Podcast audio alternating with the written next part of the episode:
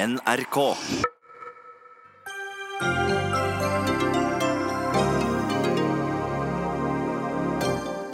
Bråk rundt skattleggingen av frynsegoder også innad i regjeringspartiene. Finansministeren har sagt hun skal se på mulige justeringer, men blir begeistringen særlig større? Hvor skapes de største verdiene her i landet? O Vestland Vestland eller O Østland Østland? Nedrustingsavtale, nei takk. USA dropper avtale med Russland. President Trump sier USA ikke lenger kan være det eneste landet som overholder avtalen. Og som 16-åring kan du velge din egen religion, ha lov til å ta abort og gå på storviltjakt, men ikke stemme.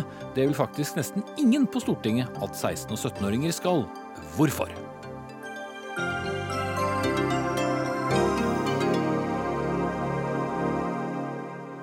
Velkommen til eh, ukens siste Dagsnytt 18 med Espen Aas, der vi også skal diskutere tredje rullebane på Gardermoen, og hvorvidt mållova er et hån mot demokratiet. Men først. De nye reglene der arbeidsgivere skal innrapportere det som heter naturalytelser, eller frynsegoder som mange også kaller det, har vært heftig debattert i og utenfor Stortinget den siste tiden. Det har handlet om alt fra bussjåfører som skal skattlegges fordi de får reise gratis med kollektivtransport, bonuspoeng på flyreiser, årskort, frivillige som får festivalpass, til skatt på tips på restauranter og serveringssteder. Dette fører til økt byråkrati, mer arbeid både for ansatte og bedrifter, og i noen tilfeller, som med bussjåførene, en netto skatteøkning fra tidligere, sier mange. Og finansminister eh, Siv Jensen fra Fremskrittspartiet, du har til og med fått eh, kritikk fra Venstre og Høyre og eget parti, men eh, blir det noen store praktiske endringer fremover? Jeg tror det er viktig å rydde opp i noen misforståelser. Alle disse ordningene, altså frynsegoder, naturalytelser, har vært skattepliktig lenge. Eh, og det har i utgangspunktet vært opp til hver enkelt av oss å rapportere dette inn. Nå rydder vi opp i regelverket og plasserer ansvaret for innrapportering hos arbeidsgiver.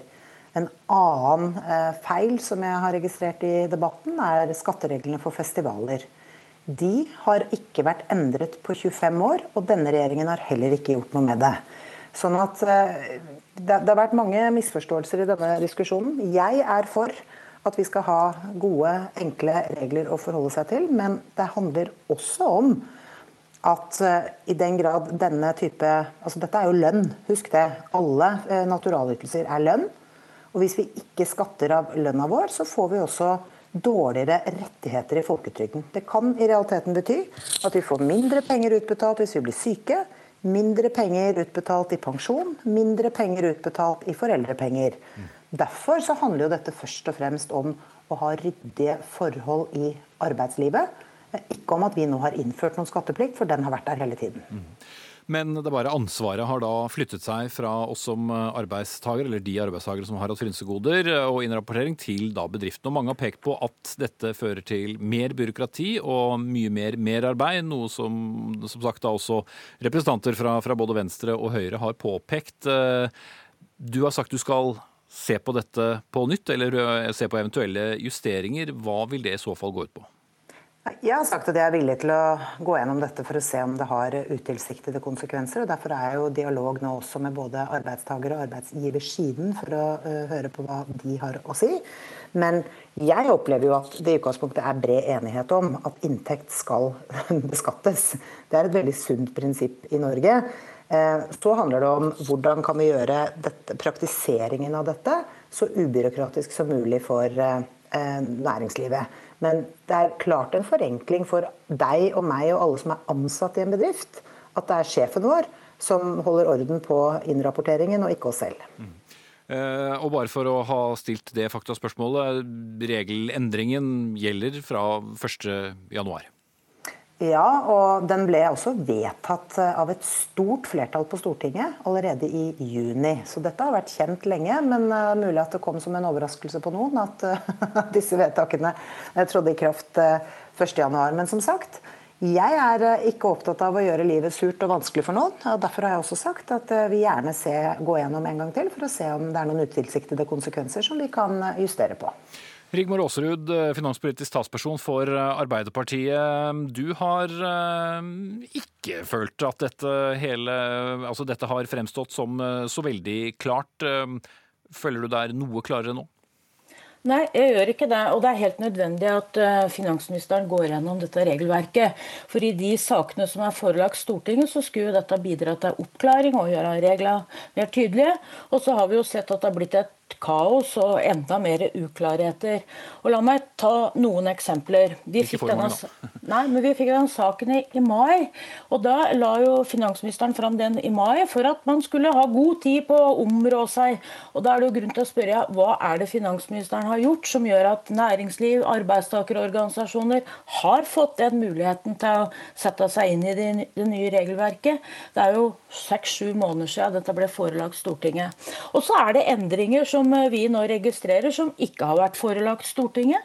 Det syns jeg er ganske alvorlig. Det gjelder bl.a. de bussjåførene som nå skal skatte av, av det at man har et uh, gratis kort på transport i de selskapene man jobber i. Hvis du går inn på Skattedirektoratets hjemmesider i dag og sjekker hvordan reglene er, så står det fortsatt at det ikke skal, skal eh, skattlegges. Så det er ganske mye kaos og ganske mye dårlig håndverk i det finansministeren har eh, jobbet med etter at vedtakene ble gjort i Stortinget. Jensen. Jeg er ikke enig i det. Eh, en av grunnene til at dette passerte Stortinget i juni, var jo nettopp at eh, arbeidsgiverne skulle ha tid, eh, altså et, over et halvt år, på å gjøre seg klare for nye regler. Mange har gjort det. Eh, så er det jo opplagt at noen ikke liker det, og det er en annen sak. Så påstår jo Rigmor Aasrud at vi har gjort noen urimelige endringer i forhold til bussjåførene. Altså det er sånn, Enten man er bussjåfør, eller man er servitør, eller hva enn det måtte være man mottar av naturalytelser, så har det alltid vært skattepliktig. Og la meg bare ta et veldig konkret eksempel.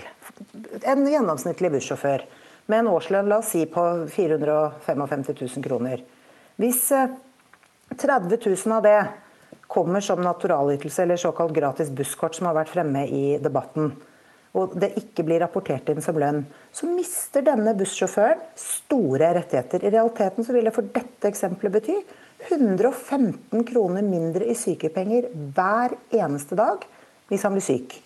Og hvis han blir, når han går av med pensjon, så betyr det 1400 kroner mindre hver eneste måned eh, enn hvis han hadde skattet av det. Jeg er ganske overrasket over Arbeiderpartiet i denne saken. Arbeiderpartiet stemte for dette. Eh, og jeg trodde oppriktig talt at Arbeiderpartiet var for at vi skulle ha ryddige arbeidsforhold i norsk næringsliv. At våre arbeidstakere skal ha gode, trygge eh, arbeids- og lønnsbetingelser, og at lønna deres blir, eh, gir dem rettigheter i folketrygden. Ja, for Aasrud, Dere er jo ikke imot at man skal eh, skattlegge frynsegodene? Det er helt riktig at vi er opptatt av at folk skal ha gode ordninger, bl.a. sykepenger, feriepenger, og vi er opptatt av at man skal ha pensjon, f.eks. fra første krone. Det er jo ikke regjeringa enig i. Men det er jo ikke riktig det. Jo, nei, men det er ikke riktig det eh, statsråden sier. For hvis man går inn på Skattedirektoratets hjemmesider i dag, så står det etter praksis fra skatteforvaltningen skal ansatte i trafikkselskaper og lignende ikke skattes for gratis eller billig privatreiser med selskapets egne transportmidler. Det står der fortsatt og Derfor stemmer det jo ikke det Siv Jensen sitter her og sier, at det ikke er gjort noen regelendringer. Det er det. Eh, og det er jo det som er å, å anklage regjeringa for, at man ikke har sørget for at dette her er blitt klargjort på åtte måneder. Fortsatt så er det altså feilopplysninger som står. Folk klarer ikke å forholde seg til dette. her, eh, Og det, er, det syns jeg er veldig klandreverdig. Mm, Jensen. Jo, men Jeg syns kritikken fra Arbeiderpartiet blir veldig hull. For nå har de lett etter et eller annet å kritisere oss for, all den tid de faktisk har stemt for det. Hvis de også er for at vi skal ha ryddige forhold i norsk arbeidsliv, og at arbeidstakerne skal innberette det de tjener i lønn, sånn at de også opparbeider seg rettigheter i folketrygden, pensjon, sykepenger, ledighetstrygd osv., så, videre, så handler det om å tydeliggjøre regelverket. Det som har vært et problem, er at det regelverket vi hadde inntil vi gjorde endringer i det, var veldig skjønnsmessig og veldig tilfeldig praktisert. Men, men konkret det å også kritisere med, med informasjonen, da, om, eller, altså, er det en regelendring eller ikke? Når det gjelder altså, bussjåfører? Altså, det, som er, det som er situasjonen, er at alle naturalytelser har vært og er skattepliktig. Så har vi tydeliggjort grensene for hva man kan motta eh, uten å betale skatt. Mm, som er årlige Eh, beløp.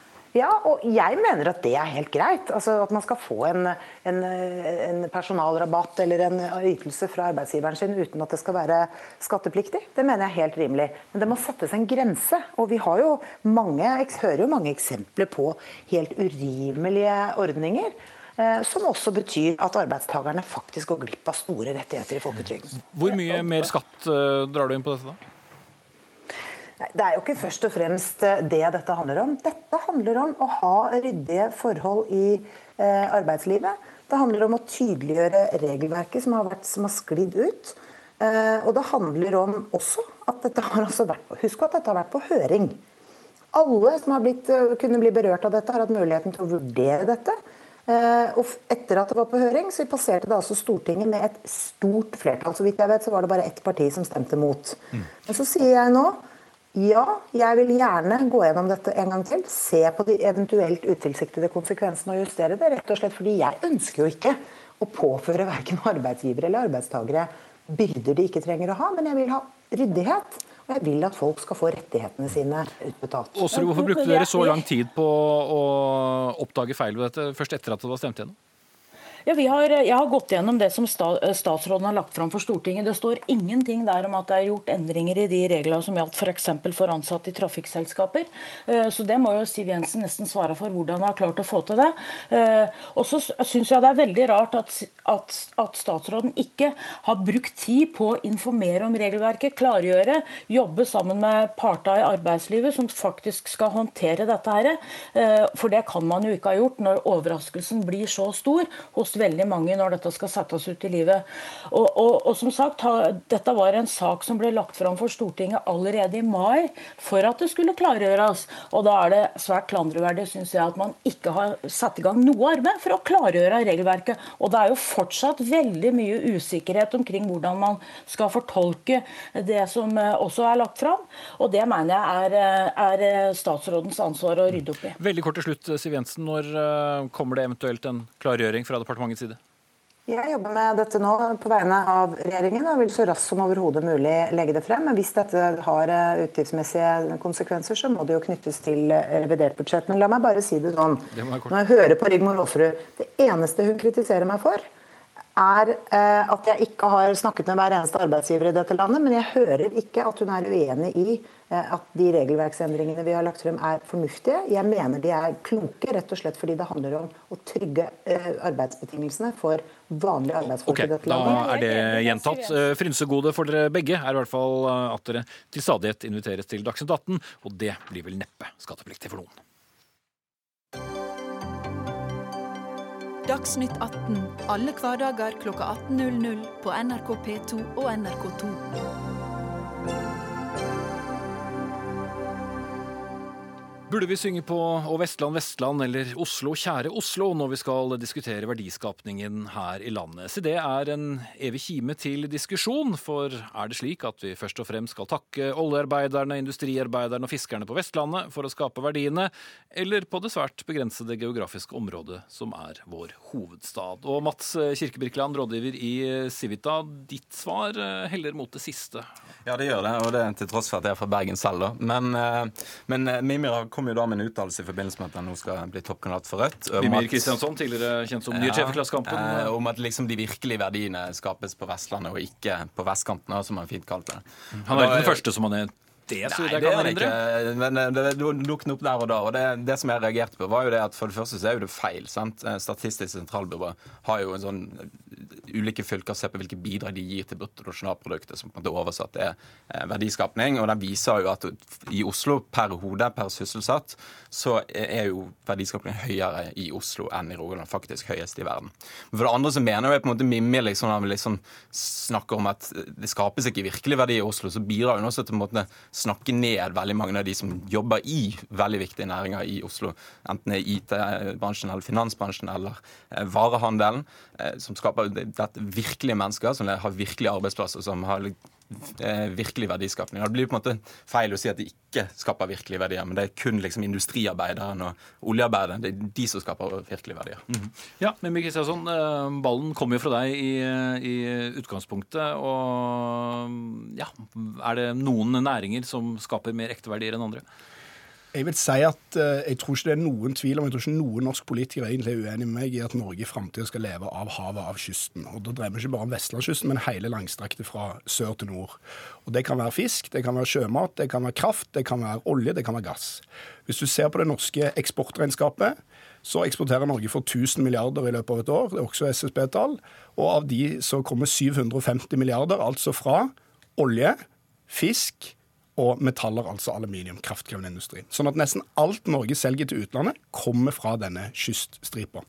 Og nå er det jo sånn de tallene som Men er den norsk, eller er den vestlandsk? Nei, den er kyst, eh, kystsk, hvis du kan si det sånn. Altså, det gjelder like mye Nord-Norge og, og oppdrettsanleggene på Frøya i, i Trøndelag. Men du skal si, med den måten Mats Kirkebirkeland og Civita bruker SSB sine tall på, så er det jo sånn at en krone er en krone uansett hvordan den er tjent.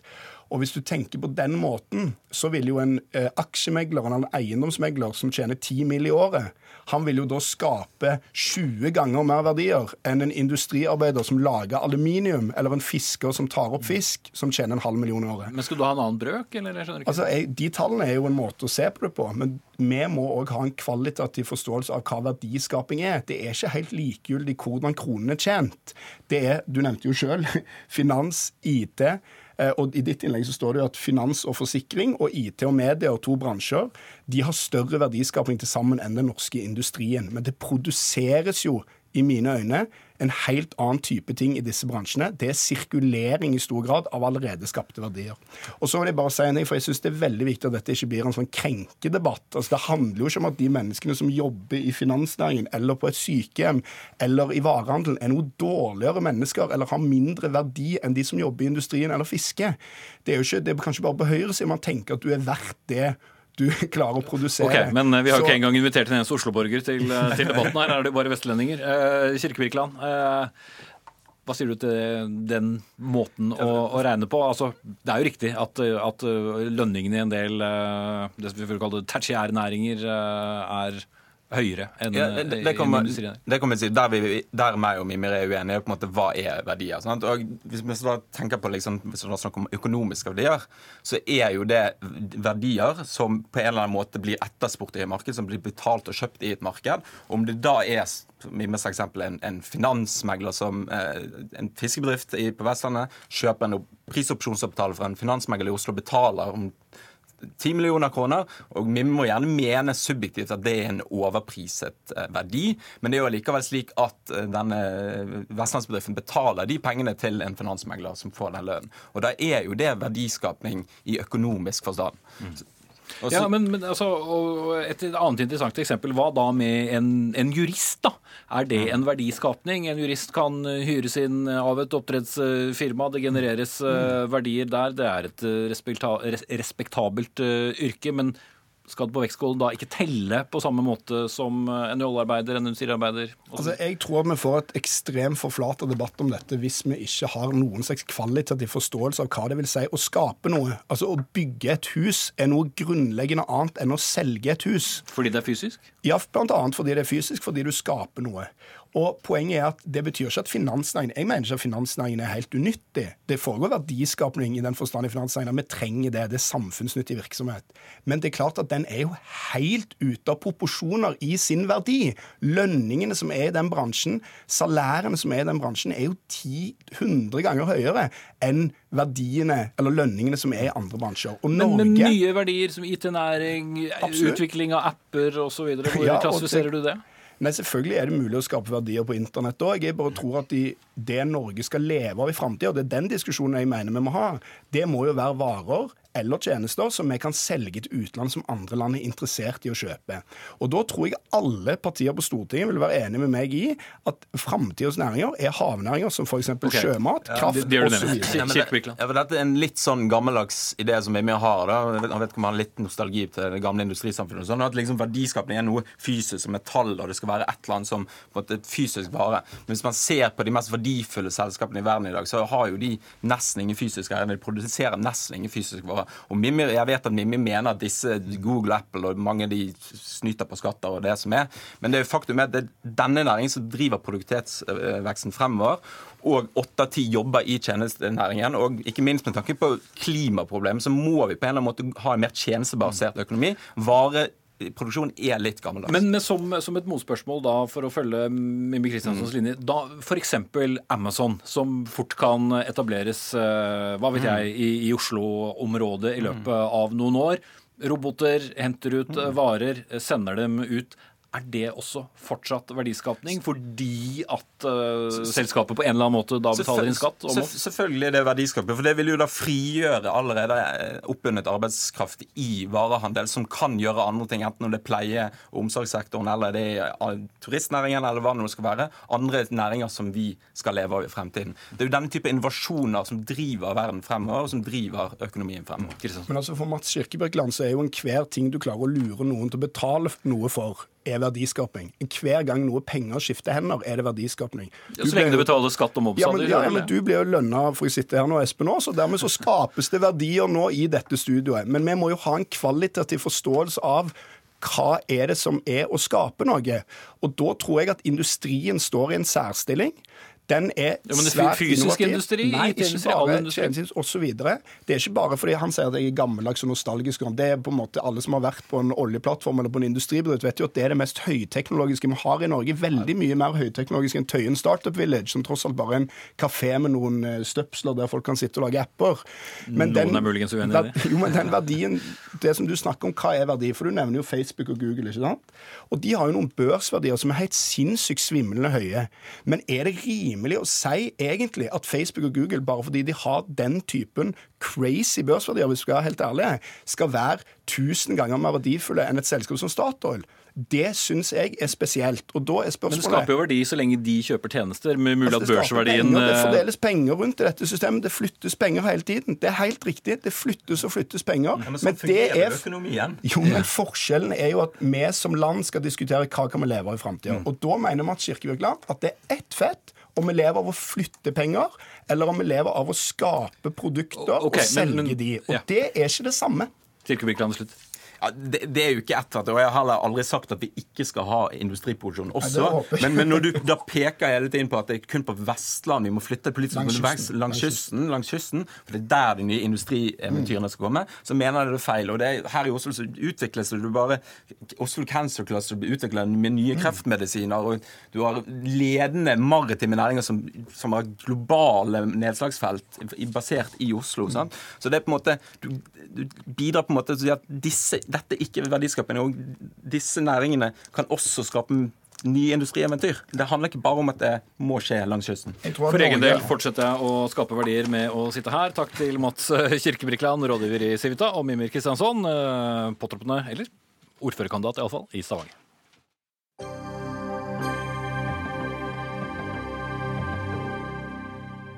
Skal vi eh, utenriks, for USA trekker seg fra en atomnedrustningsavtale med Russland. INF-avtalen, som er en kort form for Intermediate Range Nuclear Force Treaty, ble undertegnet under den kalde krigen, men nå har amerikanerne sett seg lei på det de mener er gjentatte brudd på den avtalen fra russisk side, og i ettermiddag kom altså beskjeden om at nok er nok. Og Anders eh, Magnus eh, fra et eh, snødekket og sikkert kaldt Washington, hvordan begrunner amerikanerne med at de nå trekker seg fra INF-avtalen?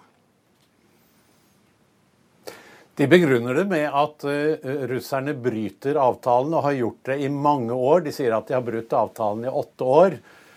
Og det er også nå De har brutt det både ved at de utvikler våpen, men også at de tester slike mellomdistansevåpen med eh, atom... Eh, altså mellomdistanseraketter med atomvåpen. Så Det er den formelle begrunnelsen. Men den, eh, noe av den reelle begrunnelsen er jo også at dette er en veldig gammel avtale som gjaldt Russland, eller den gang Sovjetunionen og USA. I mellomtiden så har jo andre atommakter kommet til. Og kineserne har jo bygget veldig mange slike mellomdistanseraketter med atomvåpen. Det er stort sett det de har. Og disse atomvåpnene kan jo true USAs allierte i Øst-Asia. Eh, Japan, Sør-Korea, Filippinene, Vietnam. Eh, så det er kanskje den aller viktigste grunnen til at de nå eh, ønsker å bryte denne avtalen, slik at amerikanerne selv kan begynne å utvikle slike våpen som et forsvar og som en avskrekking mot det de føler er en kinesisk aggresjon i Øst-Asia. President eh, Trump eh, har jo vært i, hardt vær eh, om helt andre ting i det siste, men hvordan er støtten i Kongressen for nettopp dette? Den er litt varierende. Det er jo, Demokratene er jo kanskje ikke så bekymret for at man sier opp avtalen ut ifra at russerne bryter den, men det de er bekymret for, er jo at denne avtalen, til tross for navnet, inneholder en del restriksjoner både på konvensjonelle våpen og rakettvåpen av annen type. Og de forsvinner jo nå. Og det er jo klart at det er, det er et problem for eh, USA, og det er et spesielt stort problem for Europa. Så selv om alle Nato-land har støttet USA i å gå ut av INF-avtalen, så er det klart at dette kan føre til en eh, økt spenning også i Europa. Men eh, observatører her sier at det, det, man regner med, er at spenningen først og fremst kommer til å øke Kina, eh, eller i Øst-Asia, mot Kina. Og at det er her man vil få se en styrkeoppbygging fra amerikansk side for å være en motvekt mot eh, den voldsomme kinesiske oppbyggingen. Og så er det jo også snakk om at hvis man skal få en skikkelig avtale man, Russerne har jo fortsatt seks måneder på seg til å komme tilbake igjen til avtalen. Hvis det skal skje, så ønsker nok amerikanerne også å få med Kina og også andre atommakter i en slik avtale. Nord-Korea har jo f.eks. slike raketter. Iran er i ferd med å få det, og det er jo India har det. Så det er jo en del andre land som også burde være med en slik, eh, en slik avtale om mellomdistanseraketter med atomvåpen. Pål Sigurd Hilde, førsteamanuensis ved Institutt for forsvarsstudier ved Forsvarets eh, høgskole. Rent praktisk, altså denne avtalen er jo, som Anders Magnus var inne på, eh, en overlevning fra e-, egentlig en helt eh, annen tid. Var den veldig nyttig? Sånn rent praktisk så var den jo ikke, betydde den ikke så veldig mye, fordi både USA og Russland har jo andre våpen som er plassert på altså fartøyer til havs eller ubåter eller på, på fly, som, som, kan gjøre det samme som disse missilene, altså som har lengre rekkevidde. Fordi INF-avtalen dekker kun våpen som er på landjorda. Jeg tror nok ikke at USA selv ville sagt eller forsøkt å si opp avtalen hvis ikke de hadde hatt et grunnlag i et russisk brudd. I den forstand at, at, USA har jo missiler på ubåter og fartøyer som de kan bruke i Stillehavet osv. Men når først Russland hadde brutt avtalen, og USA ble stående igjen som den eneste som opprettholdt den, så ble jo sånn sett i seg selv avtalen meningsløs. Men, men, at man da heller ikke hadde noe spesielle insentiver for å gå veldig langt da, i å bevare den fra amerikansk side. Mm. Men rent konkret, hvordan eh, har russerne brutt den? Nei, Det som er kjent, er at, at de har testet et missil eh, som eh, eller først fra en, en sånn fast installasjon eh, i, på et sånt teststed. Og da, ifølge i hvert fall det som er blitt skrevet om det offentlig, og det er ikke veldig mye, eh, så skjøt de dette missiler lenger enn 500 km. I, som, som, er en grense, da? Er, ja. altså Missiler som er, går lenger enn 500 km, eller kortere enn 5500, er dekket av INF-avtalen. Um, den testingen i utgangspunktet fra en eh, fast plassering er lov, hadde missilet vært ment for å bruke på fartøyer, altså til havs. Men så tok eh, russerne og testet det samme missilet, hevder amerikanerne, på en, en, et kjøretøy. Og da bryter de avtalen. For da er det altså missilet lagd også for å kunne brukes på, på, kjøretøy, og da er det ikke lov. Mm. Men er det et grovt brudd? Ja, det er jo et grovt brudd i den forstand at de har utviklet et våpen som ikke er tillatt. Mm. Uh, og det er jo, altså Hele poenget med avtalen var jo å bli kvitt alle disse våpnene. Så, så, så, har jo russerne nektet hele tiden da, for at de har gjort dette her. Uh, og amerikanerne har sannsynligvis for å beskytte sine etterretningskilder ikke lagt fram noe sånn veldig konkrete bevis for det, men de har jo åpenbart overtalt av sine egne Nato-allierte til, til, å støtte dem i, i, i, dette her. Og Nederland hevder å ha egne bevis for at, for at, at Russland har brutt avtalen. Men så vidt vi vet, eh, har da USA overholdt eh, avtalen gjennom disse ti årene? Russland har jo hevdet at de ikke har gjort det, men det, er, de har ikke lagt fram noen bevis for det. Det bl.a. russerne hevder, er at disse missilforsvarssiloene som USA har bygget i Polen bl.a., kan brukes både til kryssemissiler og til luft, altså, eh, antiluftvernmissiler. Fordi det er det samme systemet som bruker opp bord på amerikanske fartøy, og der kan det brukes på det. Men, men, men amerikanerne hevder at det, det, kan man ikke gjøre med disse, disse missilene som er på land i, i Polen. Mm. Som Anders Magnus var inne på, så hadde jo denne avtalen mange mangler. Mm. Eh, og som du selv påpeker, eh, så mm, gjaldt den bare begrenset ting. Mm. Men likevel, ved at den nå er borte, er ikke det samtidig et signal om at da kan man eh, utvikle mer våpen som også brukes på landjord, uten da å bryte med noe. Helt klart. Og av, en av tingene USA gjorde, var jo å begynne forskning på denne type våpen for å presse Russland til, til, å, til å, komme på å si, tilbake til avtalen. Eh, så, så, nå er det sånn sett, når, eller når avtalen er død og begravet om et, om et halvt år, så er det fritt fram for begge land å gjøre det. Og da blir det en slags eh, opprustning, om du vil?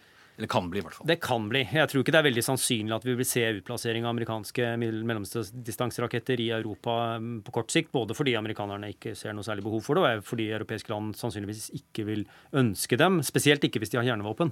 For det kan jo også være konvensjonelle, selvfølgelig. Så, men, det som er uheldig i det her, er jo at, at dette er nok en rustningskontrollavtale som faller. Og, og, det begynner å bli få av dem igjen. Og hele det, den arkitekturen som man snakket om, eh, som ble utviklet på 1990-tallet, basert på eh, tillitsbygging og, og, rustningskontroll, begynner nå å gå i oppløsning. Og det i seg selv er jo ikke heldig. Nei. Da sier vi takk til deg, Pål Sigurd Hilde, førsteamanuensis ved Institutt for forsvarsstudier ved Forsvarets høgskole.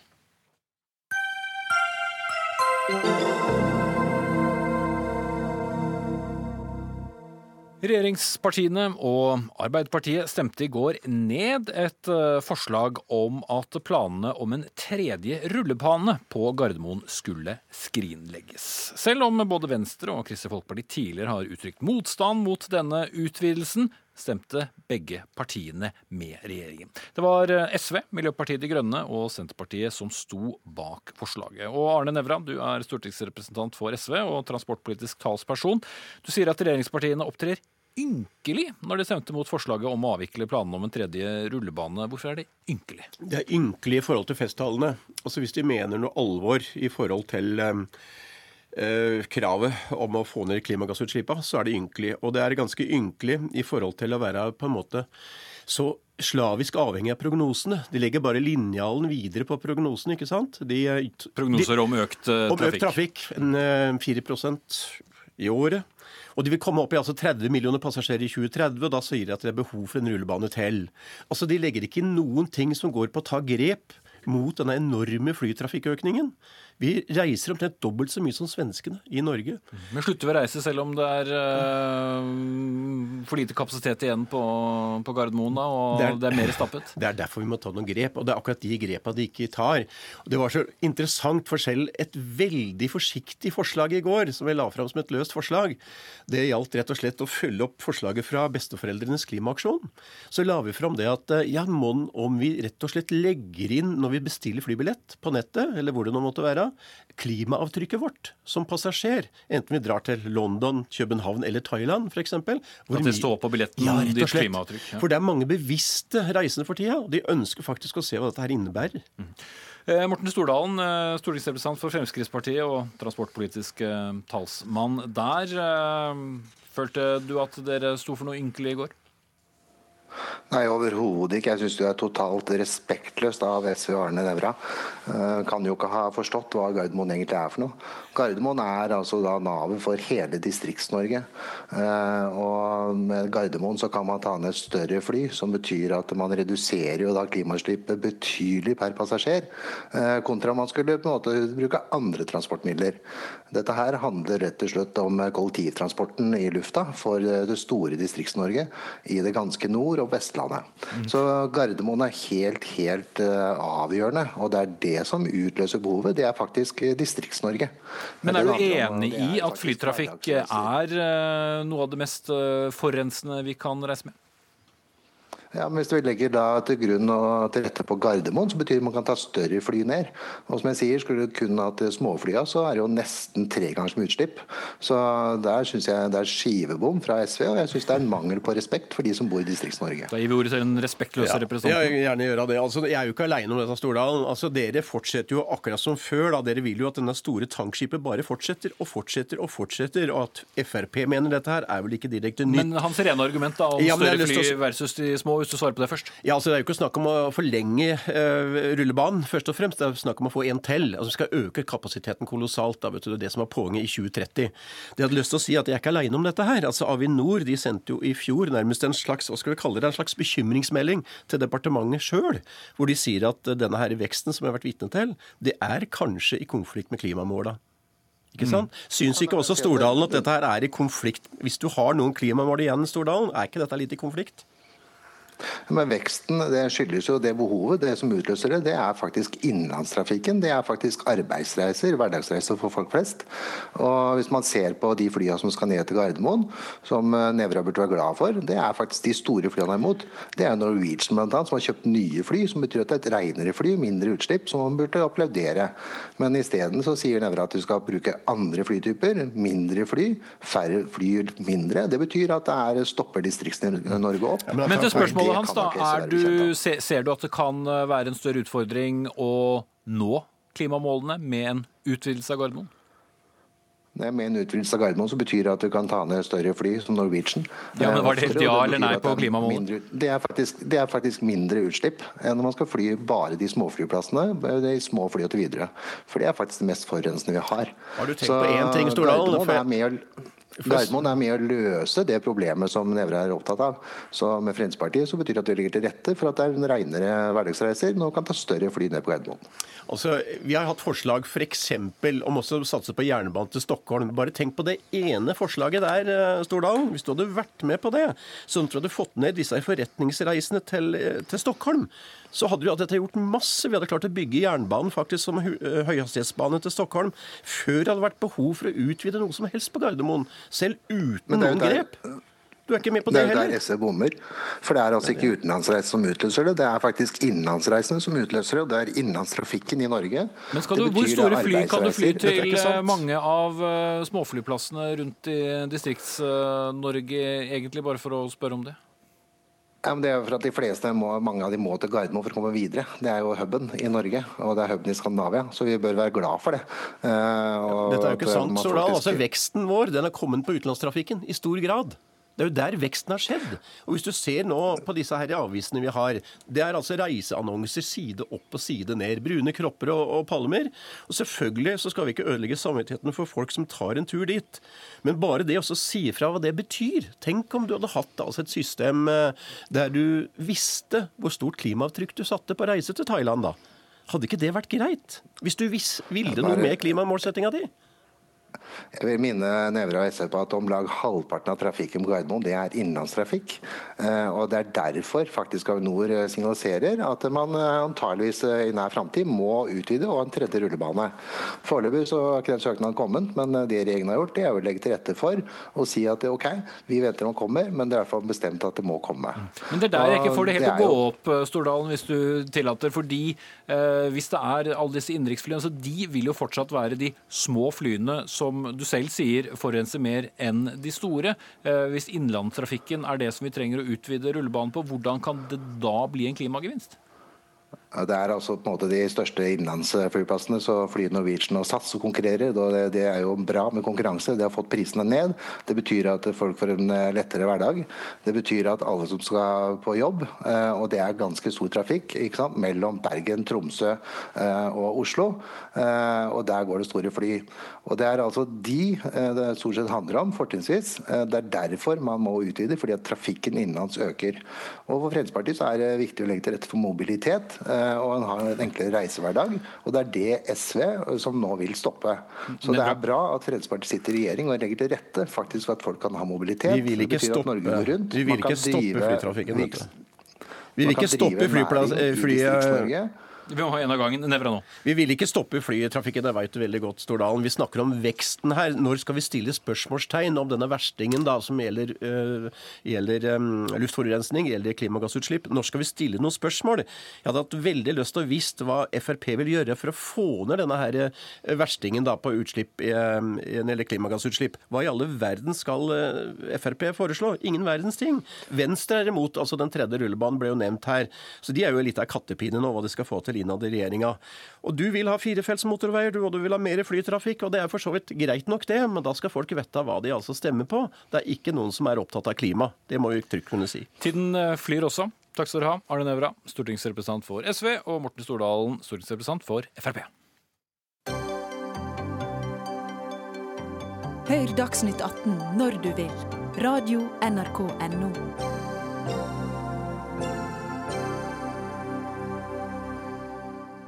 Når du fyller 16, så har du rett til å ha sex med hvem du vil. Du kan velge din egen religion. Du eh, kan gå til legen uten å fortelle mor og far om det. Du kan eh, gå på storviltjakt og mye annet. Men det du ikke kan gjøre, det er å stemme.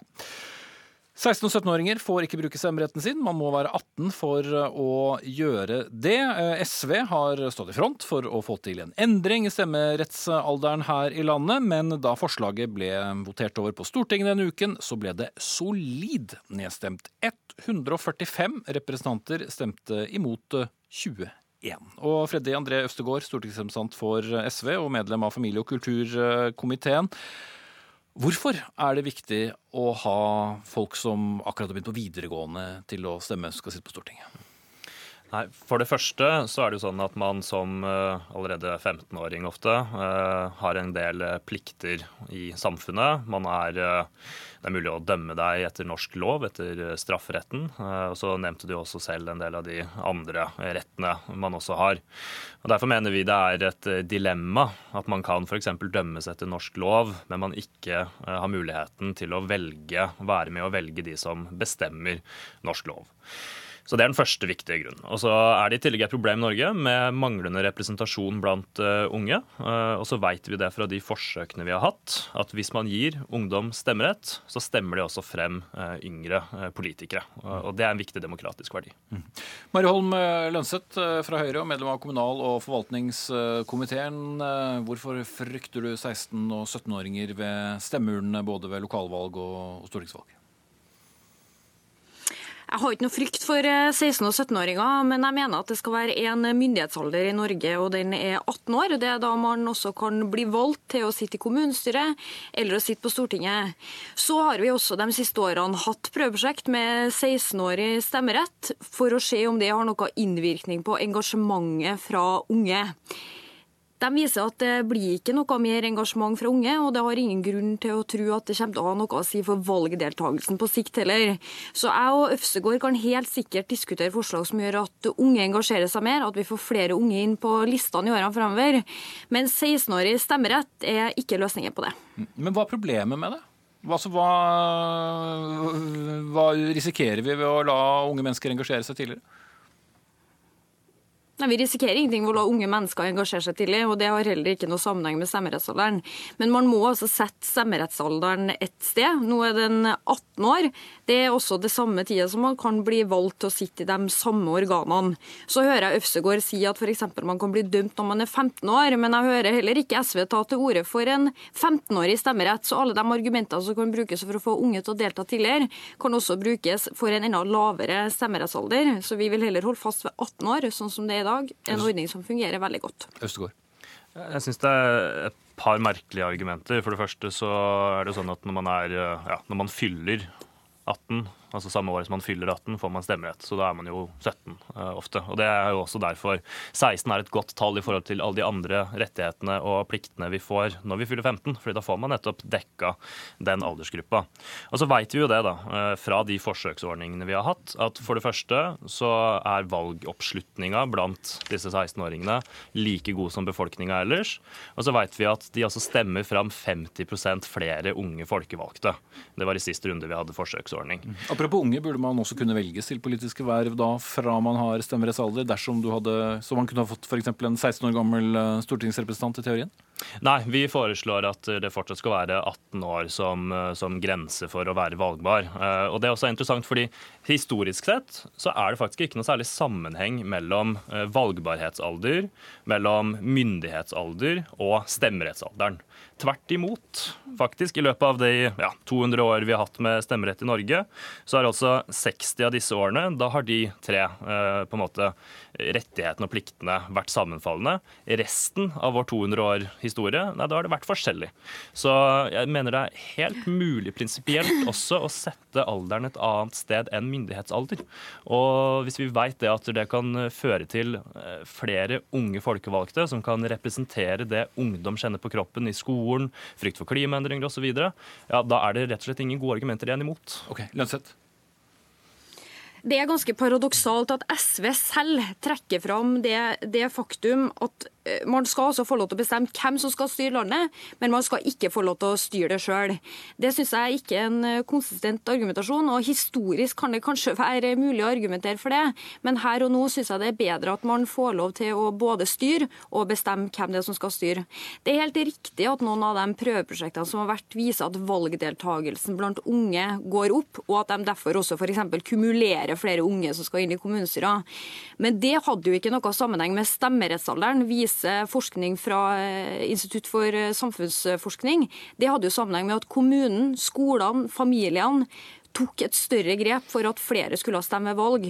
Da kan vi heller diskutere de forslagene som får flere unge til å stemme, som også får flere unge til å kumulere. Og så mener jeg også at vi partiene er nødt til å ta et ansvar for at det er nok unge folk på listene rundt omkring i hele landet. Mm.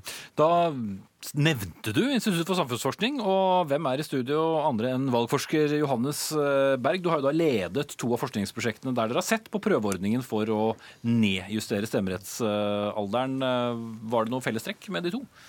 Ja, fellestrekkene var, var, ganske like, de to forsøkene. Det var noen utvalgte kommuner hvor 16- og 17-åringer fikk lov å stemme ved, ved, lokalvalget. og Resultatene var vel også ganske like. Altså, som det blir sagt her, Valgdeltagelsen blant 16- og 17-åringer er imponerende høy. Den er på, høy, på nivå med, med befolkningen som helhet.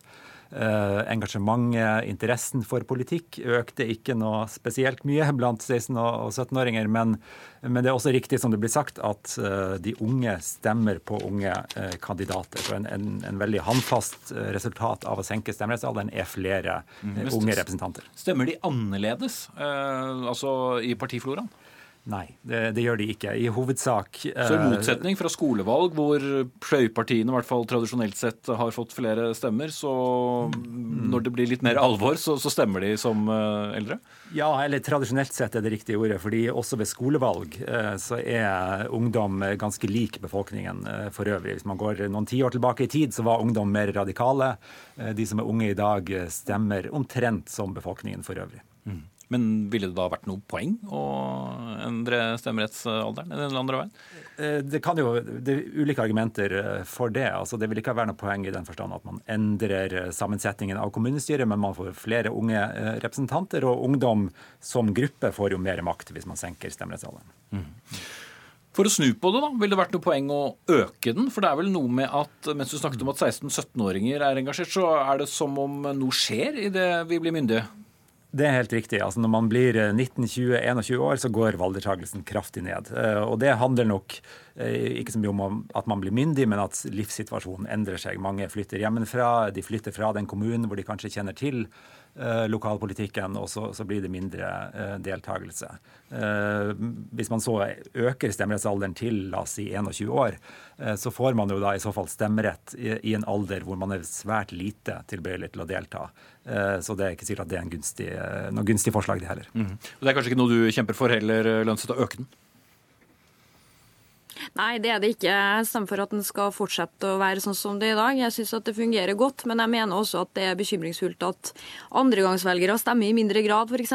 Så vi som politikere har også et stort ansvar for å ta opp saker som er viktige for den gruppa, og engasjere flere. Men hva, Jeg har jo tapt dette ganske solid i Stortinget, da, Øvstegård. Men uh, Du som en av Stortingets aller yngste, eh, du burde jo være bekymret over nettopp de tallene som ble referert her. Det voldsomme fallet i, i valgdeltakelsen. Hva, hva er galt med dere politikere? Nei, si det. Det er, eh, det er kanskje noe med at vi har kommet litt for langt unna vanlige folk. Det kan jo være en mulig ja, svar på det. Men jeg mener jo det at eh, å innføre stemmerettsalder 16 år kan jo bidra til det òg. Hvis man får en god demokratisk tradisjon allerede fra 15-16-17 eh, år, kanskje det da også blir litt mer naturlig for folk på min alder, da, rundt 24, å stemme også etter de har flytta fra kommunen sin når man er i en sånn brytningsfase seinere i livet. Mm. Eh, stille siste spørsmål til deg, Berg. Er det, det, er jo ikke spesielt utbredt noe sted heller med så lav stemmerettsalder? Ikke spesielt utbredt, men det er flere land som, som, får det. Særlig i Latin-Amerika har det blitt mer og mer vanlig. I Europa er det Østerrike da, først og fremst som har det ved alle valg. Skottland har innført det ved, ved de skotske parlamentsvalgene. Tyske delstater har det også. Så det, det, er ikke helt ukjent. Mm. Da sier jeg takk til dere, og nevner for ordens skyld ingen, ingen aldersgrense, i hvert fall for Dagsnytt 18. Verken hva deltakelse eller lytting angår. Freddy André Øvstegård fra SV, Mari Holm Lønseth fra Høyre og Johannes Berg ved Institutt for samfunnsforskning.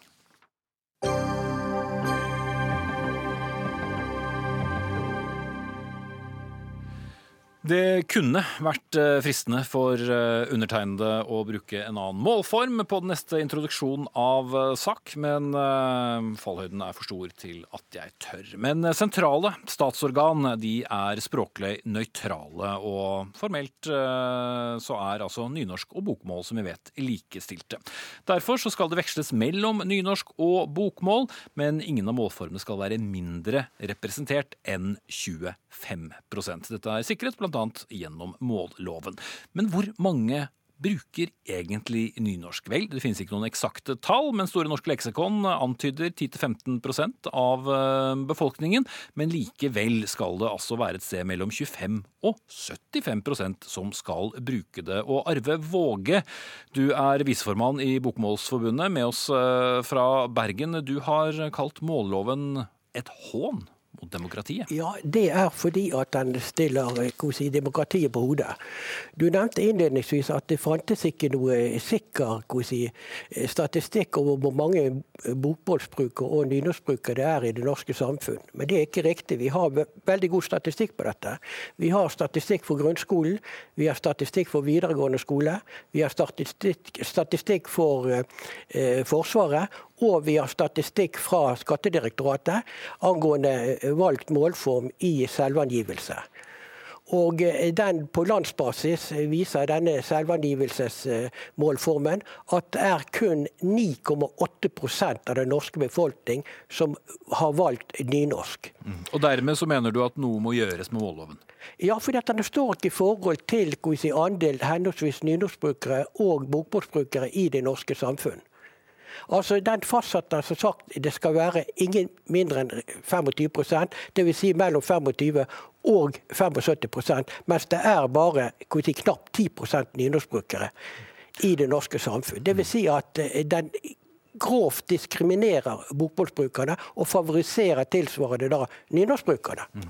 Det er Språkrådet som fører tilsyn med målbruken i disse organene. Og i studio har vi deg Åse også, Vettås, eh, direktør i eh, Språkrådet. Ja, først av alt, tallene som, som Våge viser til her, er du enig i de? Jeg er ikke uenig i tallene, men jeg er uenig i bruken av dem. For uh, hvor mange som velger å motta skattemeldingen sin på bokmål eller nynorsk, er ikke noe eksakt og godt mål på hvor mange bokmåls- og nynorskbrukere vi har her i dette landet. Og vi vet at Eh, der er en del som bruker både bokmål og nynorsk. Vi vet at eh, der er en del som bruker bare nynorsk, og så vet vi at det er veldig mange som bruker bokmål. Men det er altså sånn at det er bred politisk enighet om at eh, nynorsk og bokmål skal være likestilte skriftspråk i Norge. Og det får noen helt klare konsekvenser, og målloven er en av de konsekvensene. Mm. Men hvis da tallene er i den retningen som, som Våge snakker om, under 10 eh, selv om du da ikke nødvendigvis er enig i det, men, men for å snu litt på det, da, er det grunn til å tro at uh, det er over 25% av Norges befolkning som uh, benytter seg av, av nynorsk som sin målform? Nei, De siste og beste tallene som jeg vet om på det, viser at ca. 15% av befolkningen bruker nynorsk enten hele tida eller i veksling med bokmål. Men hvis eh, nynorsk og bokmål skal være eh, reelt likestilte målformer, og hvis det skal være mulig for nynorskbrukerne å kunne velge nynorsk som eh, et reelt da mindretallsspråk, så må det eh, brukes nynorsk i det norske samfunnet. Og min oppfatning som språkdirektør når jeg møter folk der ute i det ganske land, det er at det er veldig stor eh, toleranse for eh, språklig mangfold i Norge, og det er få som eh, syns det er fryktelig å bli eksponerte for et annet språk enn det de har som sitt førstevalg i skrift. Eh, du skal slippe å, å vurdere om du syns det er fryktelig, Våge. Men en konsekvens av din argumentasjon er da at uh, vi da må oppheve hele målloven, eller endre den, eller hva tenker du? Ja, jeg mener at loven må oppheves slik den er i dag. da. For Jeg vil gjerne vise da til det såkalte likestillingsvedtaket fra 1885 som likestilte bokmål og nynorsk. Og Der står det følgende, og det vil jeg gjerne få lov til å sitere at det skal stå fritt for embets- og bestillingsmenn som enhver annen at benytte det språk de selv ønsker, bokspråket eller landsmålet til offentlig bruk. Den sier det at alle i staten da kan bruke den målformen de selv ønsker. Svågen. Og denne ordningen den vedvarte i, hele, i 45 år, helt frem til 1930. Da fikk man da den første lov om nynorskkvotering. Fordi at, og hvorfor fikk man den? Jo, det var målfolket som presset på. For det var så få mennesker i staten som valgte å bruke nynorsk. Mm. Ja, Det var litt av historikken. Eh, men eh, vet du, skal vi endre på noe, så, så må altså hele loven uh, også endres. Men når det er så langt unna 25% av befolkningen som, som bruker nynorsk, vil det ikke være rimelig å i hvert fall revidere den? Det er to ting her. For det første så er det sånn at uh, det er uh, en, må, en, må, velge om en skal uh, la statsansatte få friheten til å velge målform i arbeidstida, eller om en skal velge den målformen som innbyggerne eh, henvender seg på eller ønsker. Målloven er altså en konsekvens av at eh, der, vi, trenger noen verktøy for å få en større reell likestilling mellom de to målformene. Og så er det også sånn at Hvis vi er enige om at både bokmål og nynorsk skal være Eh, fullverdige skriftspråk til bruk på alle områder i samfunnet, ja, da må noen bruke begge de to språkene. Det holder ikke å synes at nynorsk er fint i dikt. Hvis nynorsk skal være et fullverdig bruksspråk, da må det brukes i offentlige dokumenter, det må brukes i aviser, og det må brukes eh, andre plasser. Og jeg tror at det er veldig mange nynorskbrukere som eh, blir veldig mye eksponerte for bokmål i hverdagen sin, og jeg tror at eh, de har godt av det. Og jeg tror at eh, bokmålsbrukere har minst like godt av å bli eksponerte for nynorsk. For dette er to deler av det språklige mangfoldet vårt. Våge. Nei, Jeg er helt uenig i hennes argumentasjon. Fordi at Man må ta utgangspunkt i den reelle andel bokmålsbrukere og nynorskbrukere når man eh, eh, konsiperer lover som. Hvorfor det? Jo, fordi at eh, i et demokrati så gjelder prinsippet én person, én stemme. Men det gjelder ikke målloven. Den snur demokratiet på hodet. Svogen. Og vi har jo nå hittil snakket om disse eh, minimum 25 i, Det gjelder si, eh, si, statsinstitusjoner som har hele landets arbeidsfelt. Men vi har også noe som heter regionale statsinstitusjoner. Og Det gjelder da si, for visse områder, f.eks. en andel kommuner eller et fylke. Og der kommer jo denne eh, si, nye eh, si, denne si, loven inn i bildet når det gjelder f.eks. sammenslåing av disse fylkene som jeg har eh, skrevet om her.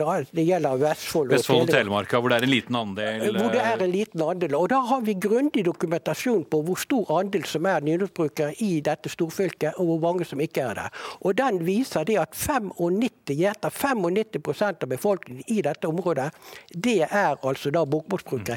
Ikke desto mindre så fastslår loven at de 95% de utgjør et mindretall språklig sett i fylket. Og da, da er det noe i veien med loven. Våge, og gi eh, vet oss eh, ordet veldig kort til slutt. Ja, jeg kan betrygge Våge og alle andre med at selv om det foreløpig er nynorsk som er tjenestemål i Vestfold og Telemark fylke, så er det sånn at eh, alle privatpersoner som henvender seg, skal få svar fra Fylkesmannen på den målformen de har valgt, og alle bokmålskommuner skal òg ha bokmål som sin målform i korrespondanse med fylkesmannens embete. Så dette kommer nok til å gå bra. Da avslutter jeg dette hele på bokmål. Takk til Arve Våge og Åse Vetås. Det var Jarand Ree Mikkelsen som var ansvarlig for denne sendingen. Lisbeth Sellereite hadde det tekniske ansvaret. Jeg heter eh, Espen Aas. Det blir eh, med Dagsnytt 18 neste uke.